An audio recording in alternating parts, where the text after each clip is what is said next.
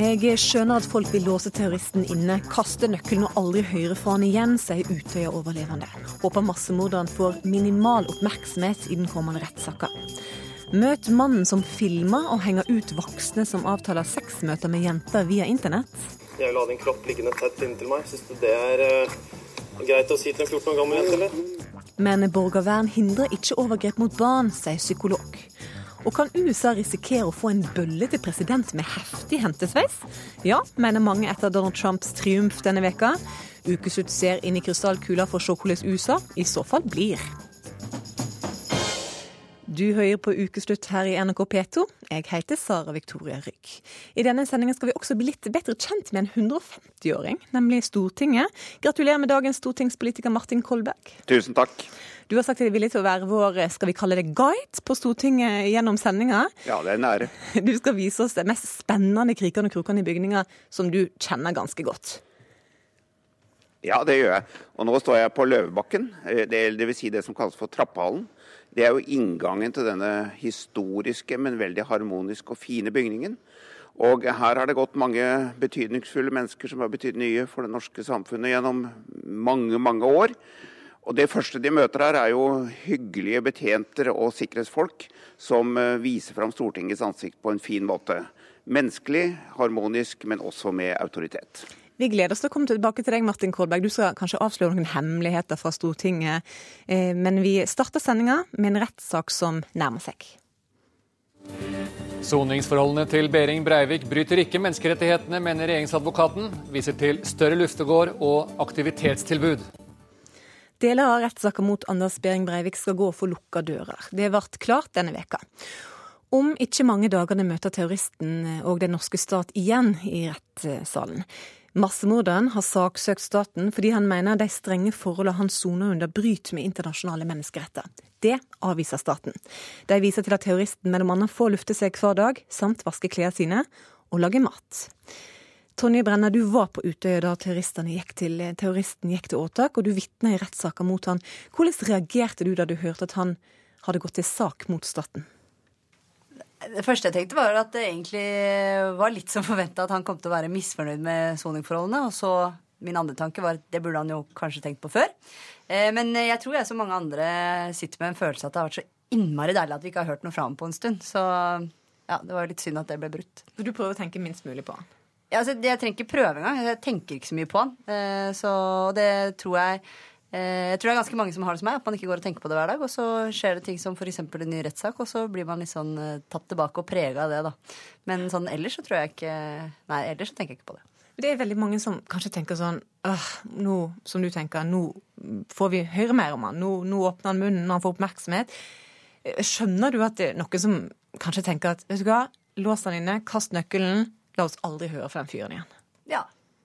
Og jeg tror eh, mange uavhengig av eh, Eller jeg tror de fleste nordmenn mener at det er riktig at vi skal ha en rettsstat. Det er riktig at han kan gå til søksmål mot staten. Det er riktig at han skal få si hva han mener. Men allikevel så tror jeg jo de fleste ville, hvis de kunne velge, ønske å ikke høre så mye fra han. Eh, sånn at jeg tror mange har det som meg, at man er litt sånn åh, er det han igjen? Og at det var behagelig så lenge det var stille. Kommentator i VG, Fridtjof Jacobsen. Hvorfor skal vi høre om han igjen nå? Nå er det jo pga. denne rettssaken. Eh, men jeg skjønner ganske godt hva Tonje Brenna sier. Eh, jeg, det, er, det, er ikke noe Altså, det er ikke noe verdi å høre fra han som sådan. Eh, ikke sant? Og det, det, tror jeg også gjelder for mange andre, f.eks. når det er sånn gjenopptakelse av saker om igjen og om igjen, Baneheia f.eks. Så er det nok belastende for de som sitter igjen, at det hele tiden skal gås nye runder. Eh, men, og, men, samtidig så er det noe sånn systemet er. Og, og, når det er sånn, så, så, må det også bli noen grad av offentlighet rundt det. Så kan man diskutere. Jeg syns kanskje noe av dekningen har gått liksom veldig langt i å nærmest skrive et slags sånn portrettintervju av Behring Breiviks soningsforhold. og, og liksom lage han til et slags sånn case. Eh, at man skal være litt forsiktig med det. Eh, jeg klarer i hvert fall ikke å synes eh, noe synd på han i det hele tatt.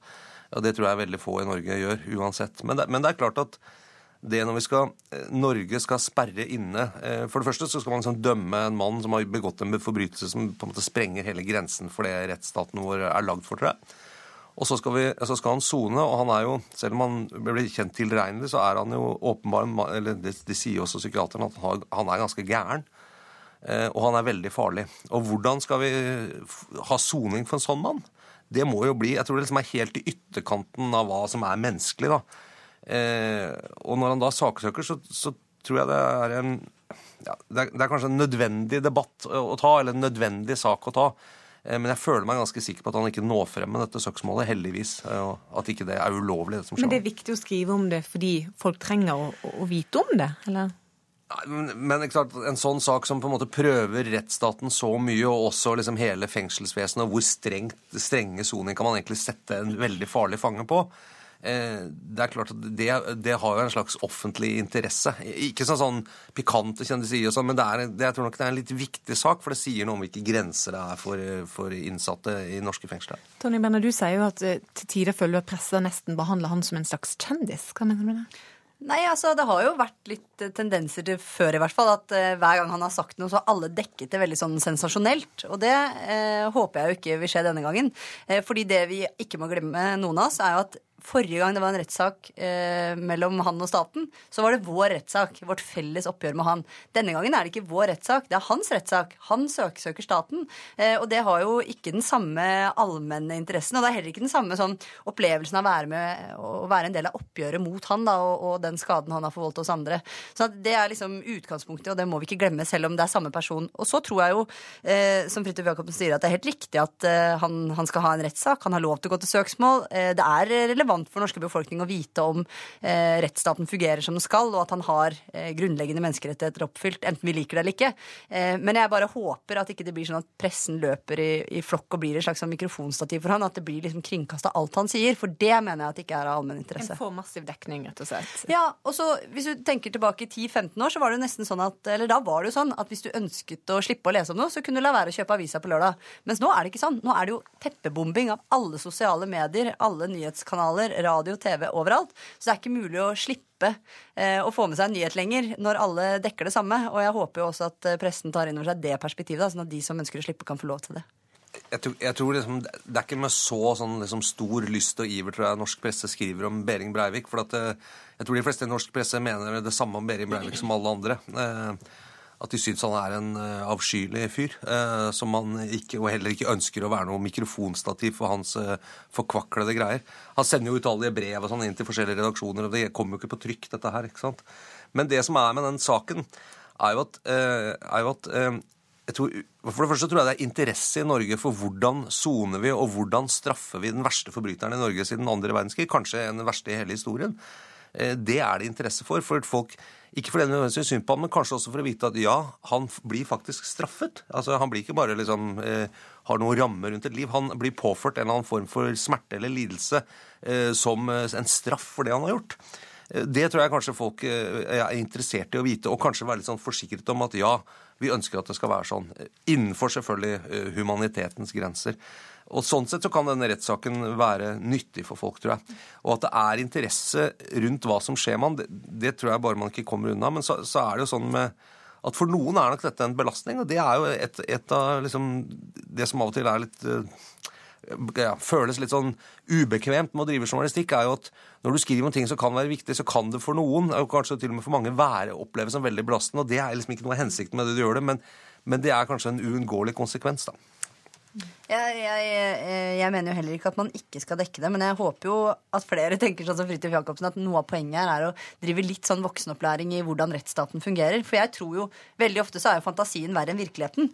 Eh, og at eh, litt det der med eh, at man blir i tvil om, om folk blir hardt nok straffa, om han er nok, hardt nok straffa, det tror jeg absolutt er relevant. Og så var det for ikke så mange uker siden en som spurte meg men hva, hva, er det som skjer nå? Kan han, kan han, få medhold, og så slipper han liksom tidlig ut fordi han har oppført seg bra?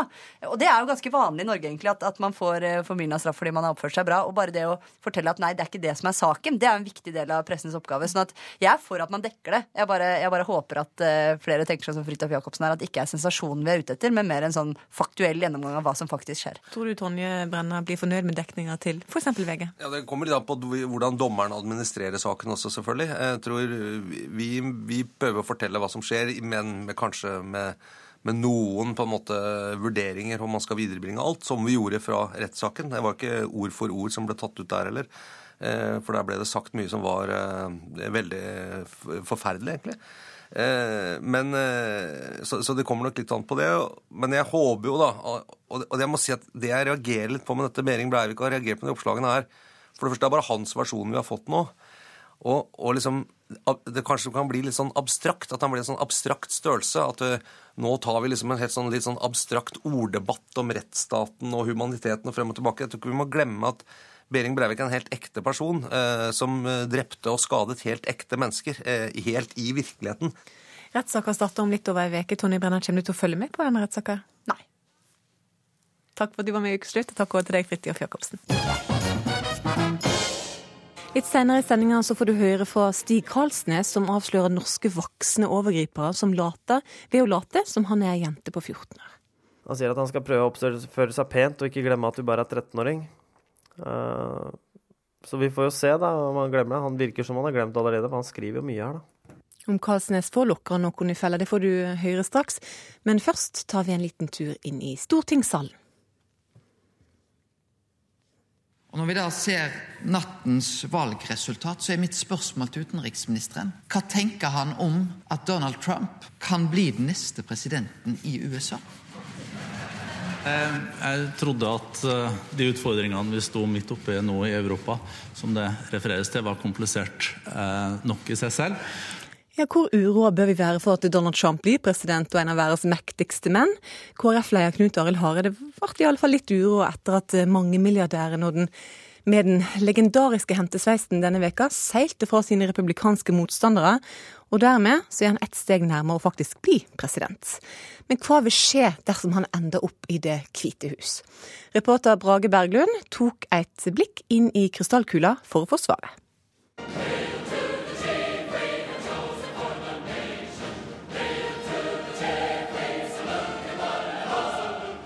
Se for deg dette. Vi er i Det hvite hus. Gjennom lange korridorer småløper dresskledde herremenn med stresskofferter og papirer. De går bestemt gjennom kontorlokaler hvor det yrer av liv, før de går gjennom den siste døren inn til selve hjertet av bygget, det ovale kontor. Bak et massivt skrivebord i glansfull eikefinish sitter mannen som er USAs neste president. Han er mannen mange trodde ikke ville vinne. Mannen med den karakteristiske blonde hårmanken. Han er Donald Trump. Han har gått hele veien til presidentstolen med valgløfter om å gjøre USA stort igjen. I will be the greatest jobs president that God ever created. Han sier han vil bli stor. Det vil nok også haugen med sakspapirer bli dersom Trumps USA skal bli realitet. Men hvor vil han begynne? Frp-politiker Bjørn Gunnar Jørgensen er en av få nordmenn som åpent støtter Trump. Han har flere ideer om hva Trump skal ta tak i dersom han blir president. Jeg tror det kommer til å bli et uh, vell av saker. Jeg tror han kommer til å gjennomføre en betydelig skattereform. Det kommer til å bli eh, lavere skatter for folk flest. Uh, det kommer til å bli gjennomført en helsereform. Obamacare har spilt fullstendig fallitt. Og han kommer til å bygge opp et, et sterkere forsvar fra USA, og bygge USA sterkt også der. We're gonna have our borders nice and strong. We're gonna build the wall. You know that. We're gonna build the wall. Men Trump er også kjent for sine kontroversielle politiske forslag, som å bygge en mur mot Mexico for å begrense tilstrømningen av ulovlige immigranter. Det er et forslag Jørgensen støtter. Eh, Trump har vært tydelig på det, at eh, med tanke på de, de problemene som enkelte meksikanere står bak, ja, så må det settes i verk eh, betydelige tiltak. Og Da har han sagt at en sikkerhetsmur tror han er veien å gå, men med en stor, fin port midt på, der meksikanere med legale og gode hensikter selvfølgelig skal ønskes velkommen tilbake til USA for å jobbe og studere osv. Come on, boys, take them down.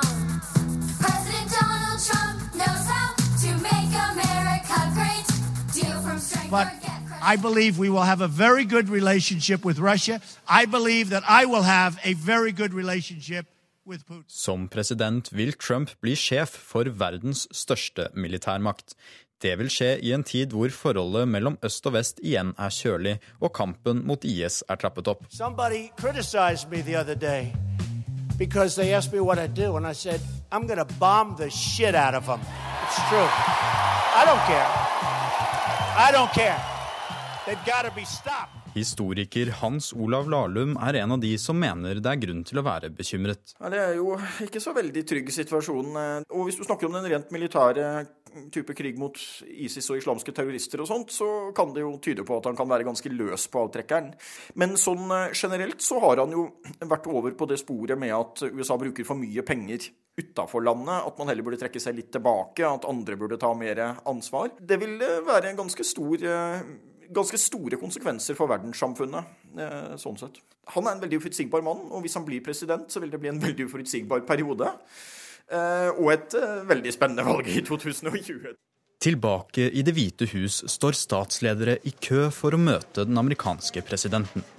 En av de som har stått i den køen, er tidligere statsminister Kjell Magne Bondevik. Han tror ikke vi vil se Trump i presidentstolen, og er tvilende til Trumps diplomatiske evner. Når jeg var der, så møtte jeg en uh, høflig, hyggelig president som jeg hadde truffet tidligere, og litt, var litt kjent med, enten det var Bill Clinton eller George W. Bush.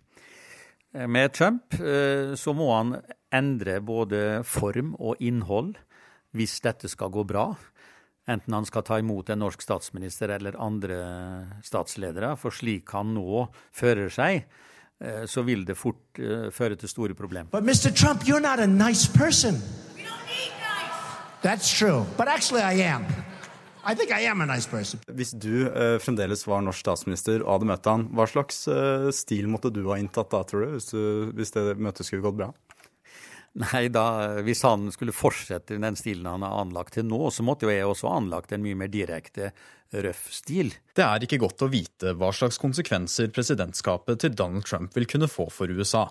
Men én ting er sikkert, ifølge mannen selv. If I decide to run, you'll have the great pleasure of voting for the man that will easily go down as the greatest president in the history of the United States. Me, Donald John Trump. Og nå skal vi prate om en sprek 150-åring. Herr president, folkets representanter. Jeg hilser Stortinget velkommen til ansvarsfull gjerning, og ønsker at det må bli til gagn for fedrelandet. Her hørte vi kong Haakon åpne Stortinget i 1951. I dag feirer selve stortingsbygninga 150 år. Reporter Marie Røsland, du er på vandring i gangene på Stortinget sammen med stortingspolitiker Martin Kolberg. Hva hemmeligheter har denne her bygninga å by på? Ja, Nå er ikke vi like spreke som denne bygningen, så vi måtte ta oss en liten pause og befinner oss eh, i restauranten.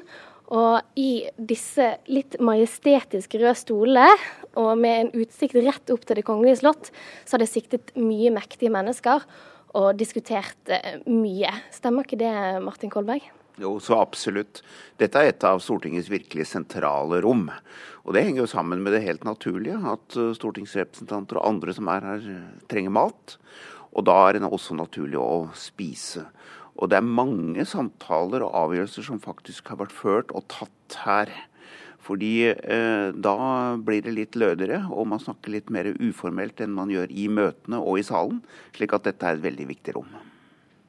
Hva slags eh, Nå er jo det er mye hemmeligheter som diskuteres her, og det er kanskje av og til greit at de blir holdt hemmelige. Men hva slags ting kan eh, de eh, stolte eh, norske folkevalgte ha diskutert her? Nei, eh, For det første vil jeg si at eh, Stortinget er høytidelig, harmonisk, men også uh, uhøytidelig. Og det blir ledd mye, veldig mye her. Mye latter her. Mye historier av forskjellig karakter, men aldri ondsinnede ting. Og det er én regel som gjelder her, i forhold til journalister spesielt, da, som vi gjerne møter her, og det er veldig fint. Det er at det som sies her, det blir i restauranten. Det er ikke mulig å, å, gå ut med. Da bryter man en grunnleggende lov. Og det er ingen som gjør. og Derfor så går samtalen godt her. Men det er også noen ganger at det er samtaler av mer formelt karakter, for å si det slik. At man har et, nærmest et møte her i restauranten samtidig som man spiser. Så dette er et rom som betyr mye for hva som skjer i Stortinget. Da vi satte satt, og, eh, satt, oss ned her, så begynte vi å snakke om eh, da kong Olavs nei til at Märtha Louise skulle bli landets neste monark. Tror du dette kan ha oppstått, Stortingets diskusjon kan ha oppstått rundt nettopp det bordet vi sitter? Nei, det tror jeg vel egentlig ikke. Eh, det var, det var jo en, en, historie tilbake som jo er vel kjent, at det var slik det var. Men, men, vi så jo over på Slottet, og Stortinget har jo den dimensjonen at den ser rett over på Slottet. Og det, i ettertid så ser vi jo at plasseringen av Stortinget, altså det som siden er blitt Løvebakken, da, Eh, det har fått en veldig riktig plassering. Det er kongemakten på den ene siden, og det er folkemakten på den andre. Og det er en veldig god balanse. Men kort så må jeg bare spørre. Dette her, nå føler jeg jeg har funnet den beste plassen i hele restauranten. Det, har man faste plasser her? Ja, det har man altså. Og Det er noe som heter Arbeiderpartibordet og Senterpartibordet, og det heter Høyrekroken og Frp-kroken osv. Og, så og det, det brukes stort sett slik. Og eh, det er eh, bare unntaksvis at noen setter seg, setter seg, feil, og det er da folk utenfra. De som tilhører Stortinget, de setter seg ikke feil, de setter seg på sine rette egne plasser. Vi skal komme oss videre for litt mer stortingshistorie litt senere i sendingen. Men vi skal ikke bevege oss så veldig langt. Vi skal ut på plassen rett utenfor 150-åringen. For hver onsdag så står ei gruppe bestemødre og deler ut brosjyrer utenfor Stortinget. De er bestemødre for fred og oppmuntrer til nettopp det. Men hvordan klarer det den veka utenriksministeren sa, at vi står overfor en mer utfordrende utenrikspolitisk situasjon enn vi har gjort på lenge? Reporter Gry Veiby møtte bestemødrene. Kan jeg få lov til å gi deg den? so, you're very nice and kid. Souvenir. Anne Merete Halvorsen har akkurat putta en pamflett i hånda til en gutt med hodetelefoner og dreads. Så, så, så, du må jo på en måte bruke det du selv har av menneskekunnskap og engasjement. 74-åringen er tidligere lærer, og sammen med Trine Eklund på 91 og Heidi Andersen på 78 står hun foran Stortinget med en papplakat med påskriften 'Bestemødre for fred' om halsen. Du møtte Toppen Beck her i går, som sa å gud, det er godt dere er her med den kaoset vi har i verden i dag. Vi står overfor en mer utfordrende utenriks- og sikkerhetspolitisk situasjon enn på lenge. Den siste uka har de fått mer å jobbe for etter Børge Brendes dystre utenrikspolitiske redegjørelse i salen bak oss. Grunntonen i årets redegjørelse er målstemt. Alvoret, uroen og uforutsigbarheten som er redegjort for i dag, krever klar tenkning og klok handling. En uforutsigbar nabo i øst er bare noe av det som hinter om et vanskelig år. Nei, Russland Nei, kjære deg. Den derre fiendebildet mot Russland det er jo helt Russland har da aldri gått imot oss. De har jo reddet oss. Det var jo de som skapte fred hos oss i begynnelsen. I 45. Jeg har jo danset på Krim, der hvor de, har, der hvor de nå driver. Så jeg har jo ikke noe fiendebilde av, av det.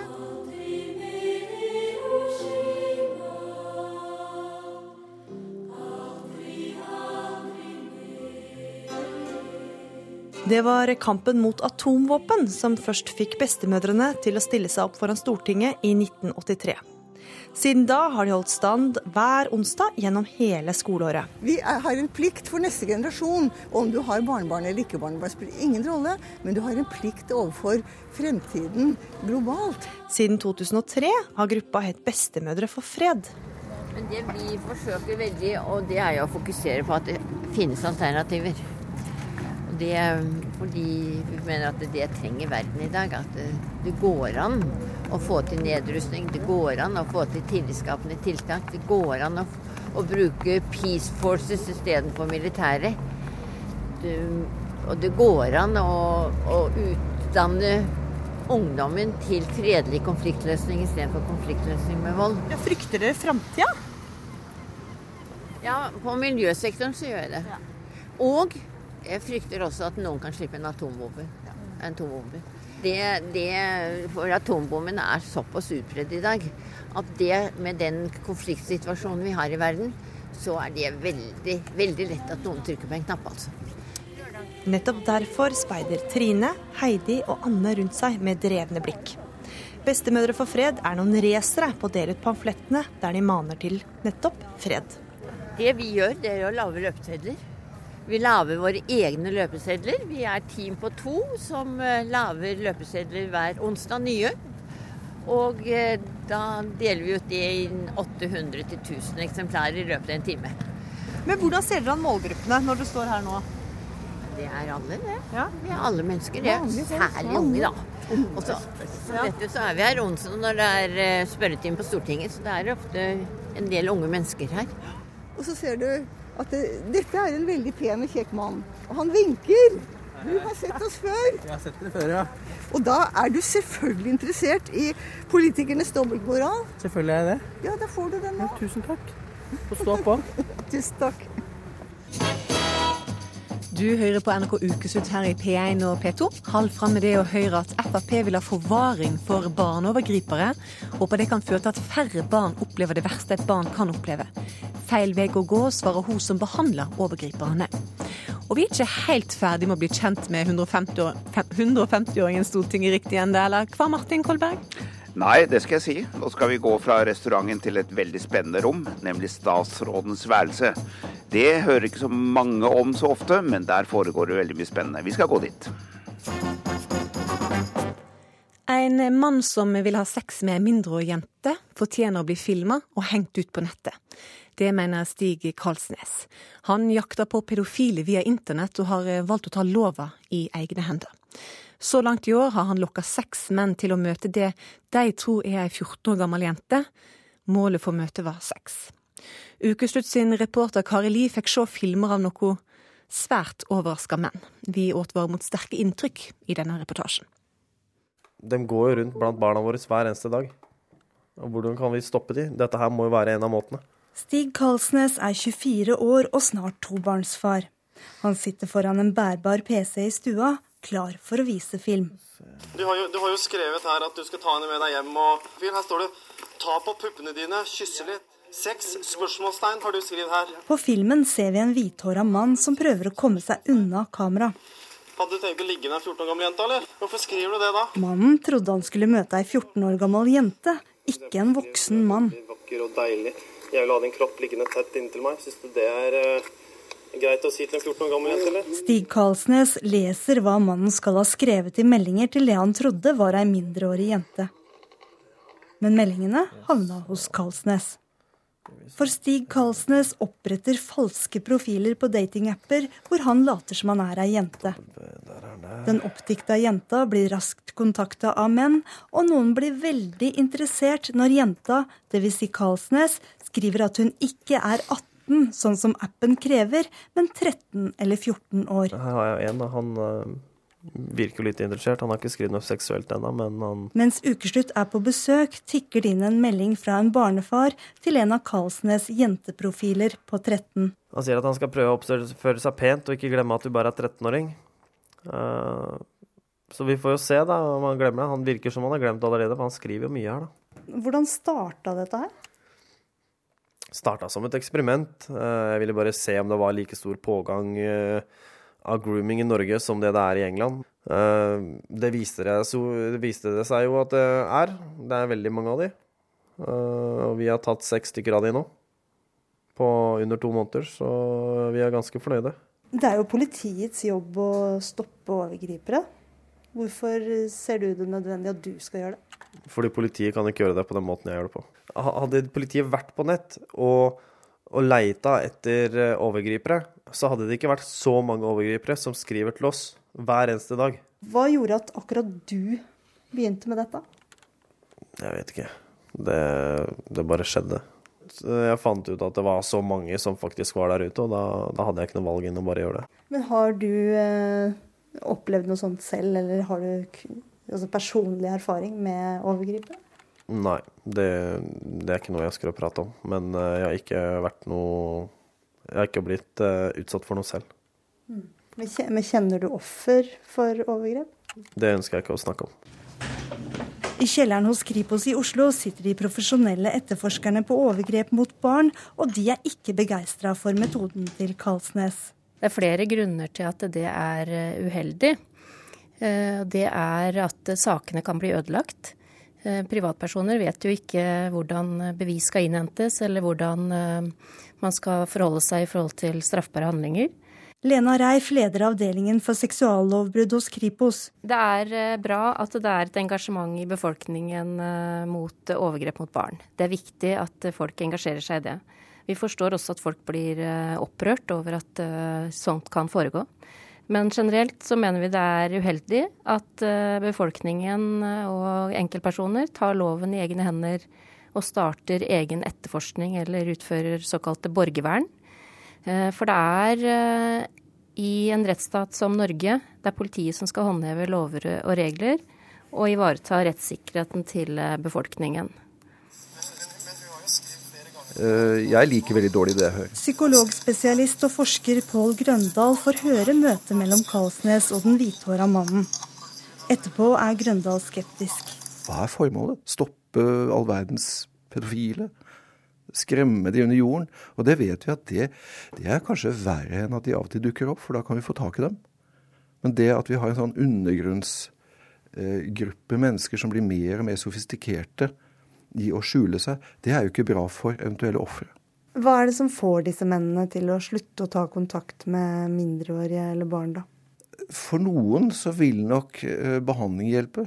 Eh, men det har vist seg å være veldig vanskelig å dokumentere at det faktisk har den effekt vi ønsker, nemlig redusert eh, risiko for nye overgrep. Hva er det egentlig du sier nå? At det ikke virker? Jeg sier at det har vært veldig vanskelig å dokumentere at det virker. Hvorfor er det da så galt å prøve å skremme de fra å fortsette med det? Skremsel forebygger ingen verdens ting. Det er jeg temmelig sikker på. Men hva syns mennene selv? Jeg prøver å ringe de som er blitt filma, men mobilnumrene virker ikke lenger. På Facebook ser de ut som vanlige fedre og bestefedre, men de har også møtt opp for å møte og ha sex med ei mindreårig jente. Flere av dem blir visstnok etterforska for barnelokking av politiet, som har fått materiale fra Kalsnes.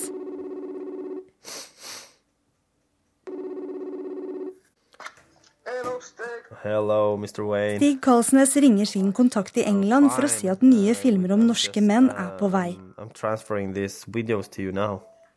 Oh, wow, how did it go? Oh, it, it went well. Mannen i den andre enden lover å legge dem ut på internett.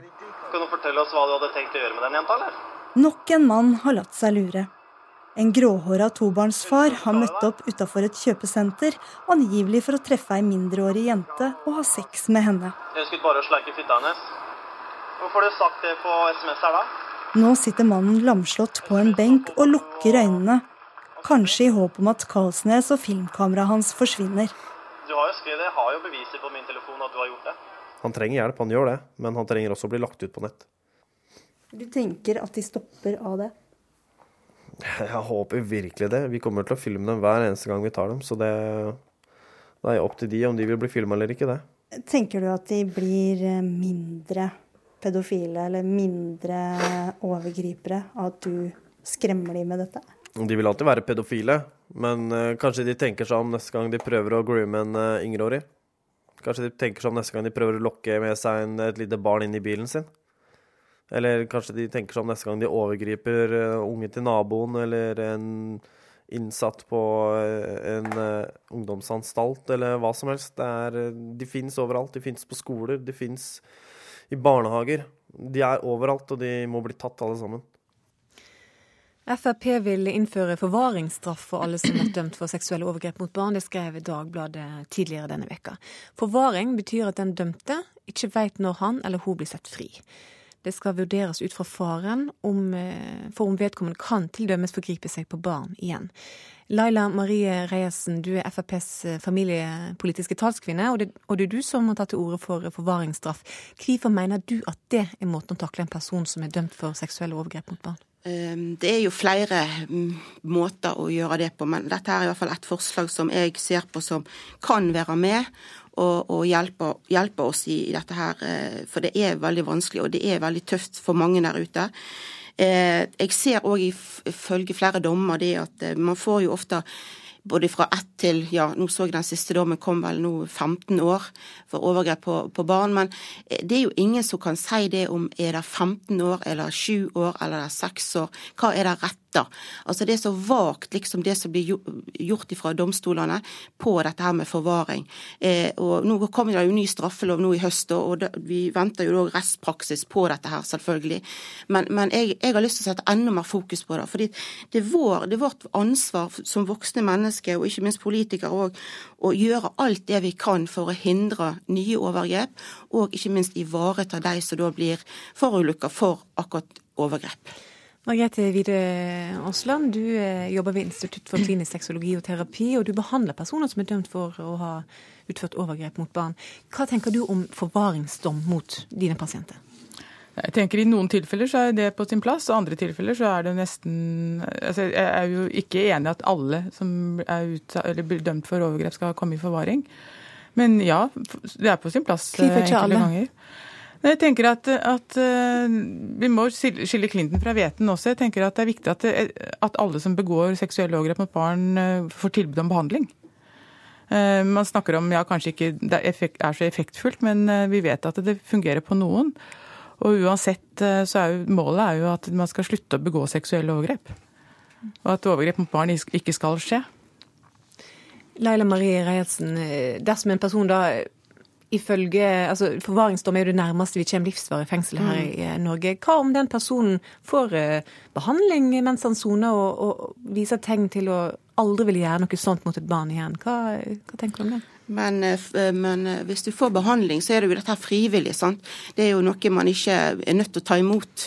Eh, og det der jeg vil si, og det å skille Clinton fra Veten, det er for meg er det helt feil. fordi at er du en overgriper, så er du overgriper. Vi må gi tydelig signal om at vi vil ta disse minste av både barn og ungdommene våre, stå på de på alvor for å forhindre dette. Og det er jo noe med å gi de signalene. Vet du hva, vi tar dere på alvor. Vi vil hjelpe dere. De får jo store konsekvenser for veldig mange videre i livet. Og det, vi har ingen andre valg, syns jeg, enn at vi må gjøre det beste vi kan for de minste. Er du en overgriper, så er du en overgriper. Ja. Ja, jeg tenker at vi må også huske at de aller fleste overgrep begås av noen som barnet kjenner. Altså over 80% av overgrepene begås av noen som barnet kjenner. Så jeg er helt enig i at disse barna må trenger å få hjelp, og de trenger å bli hørt, og de trenger å bli sett, og de trenger å få hjelp.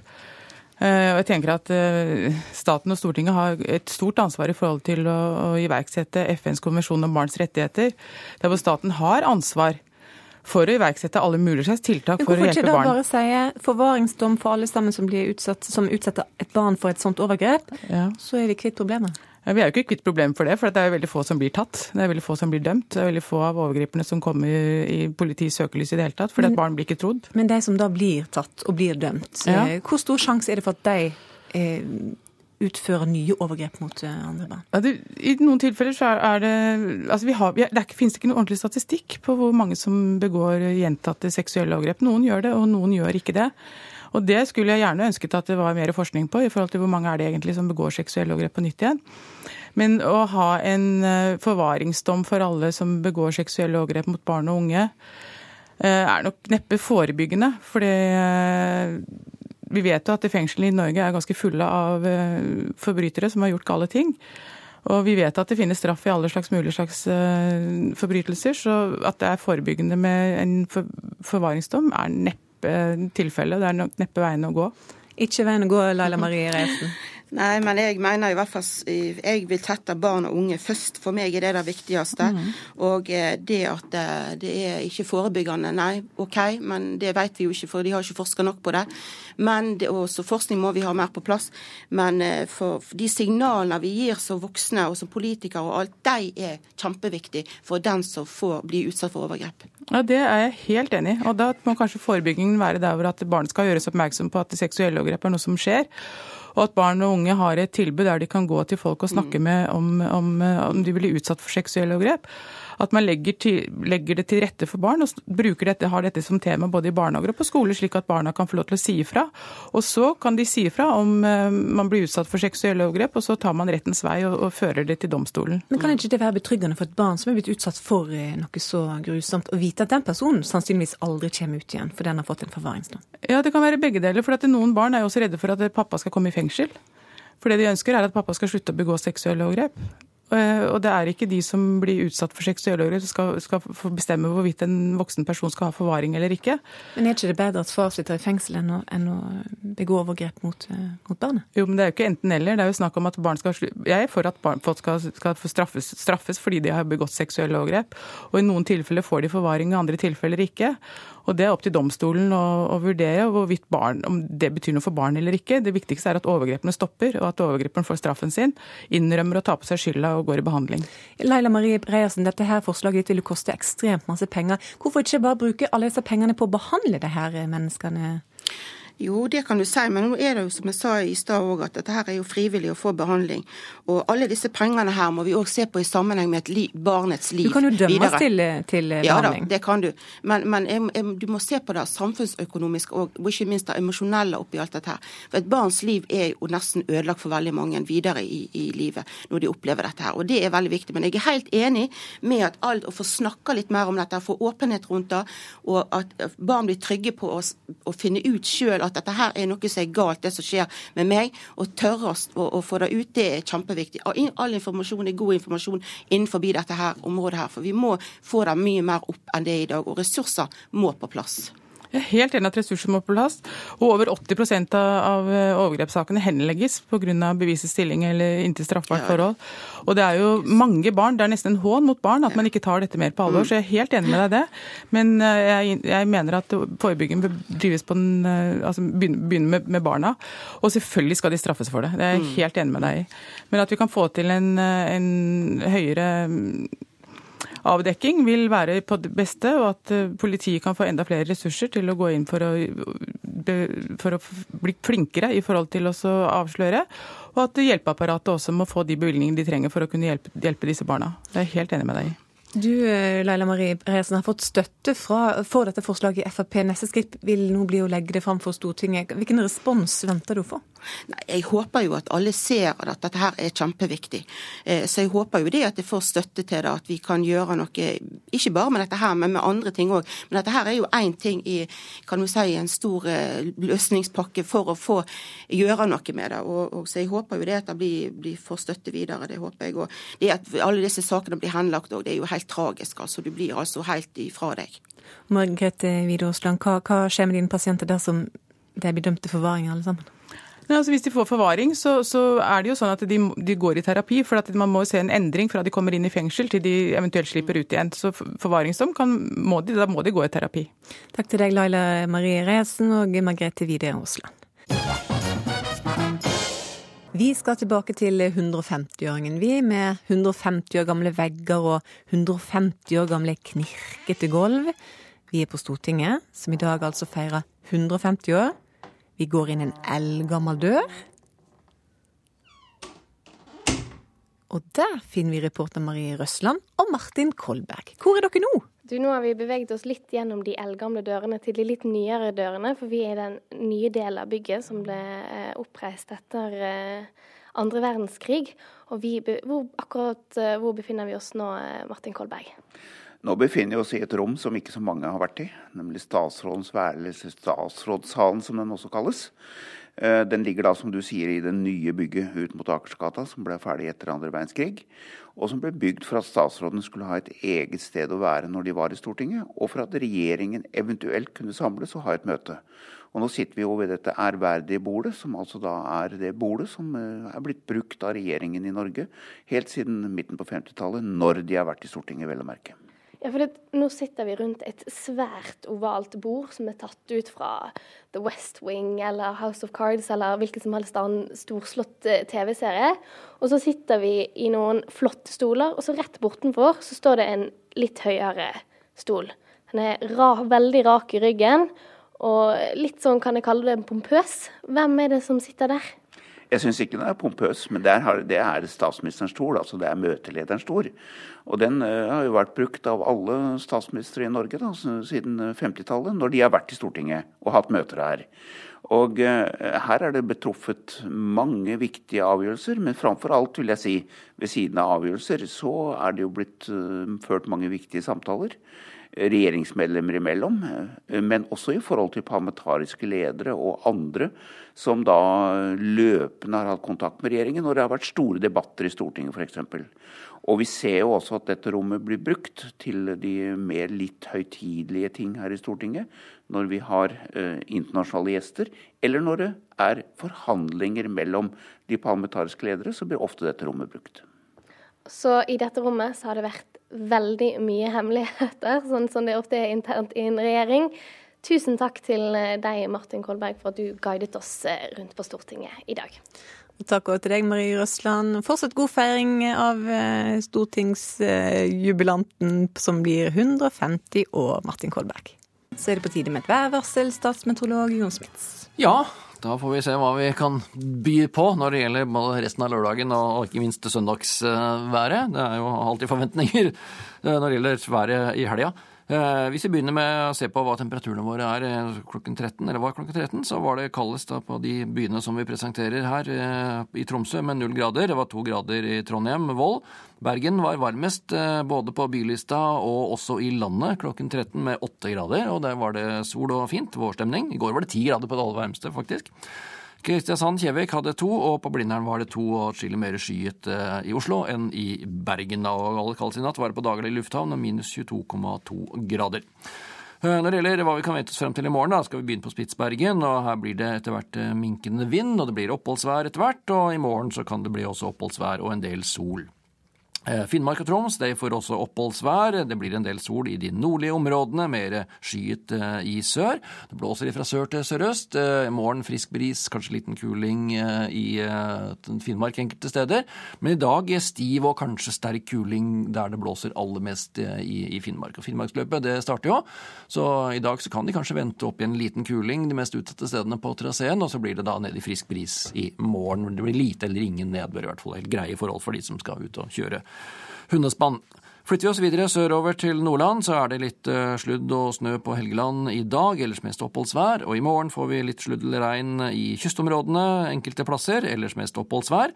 Og det blåser fra sørøst med opp i en liten kuling utsatte steder.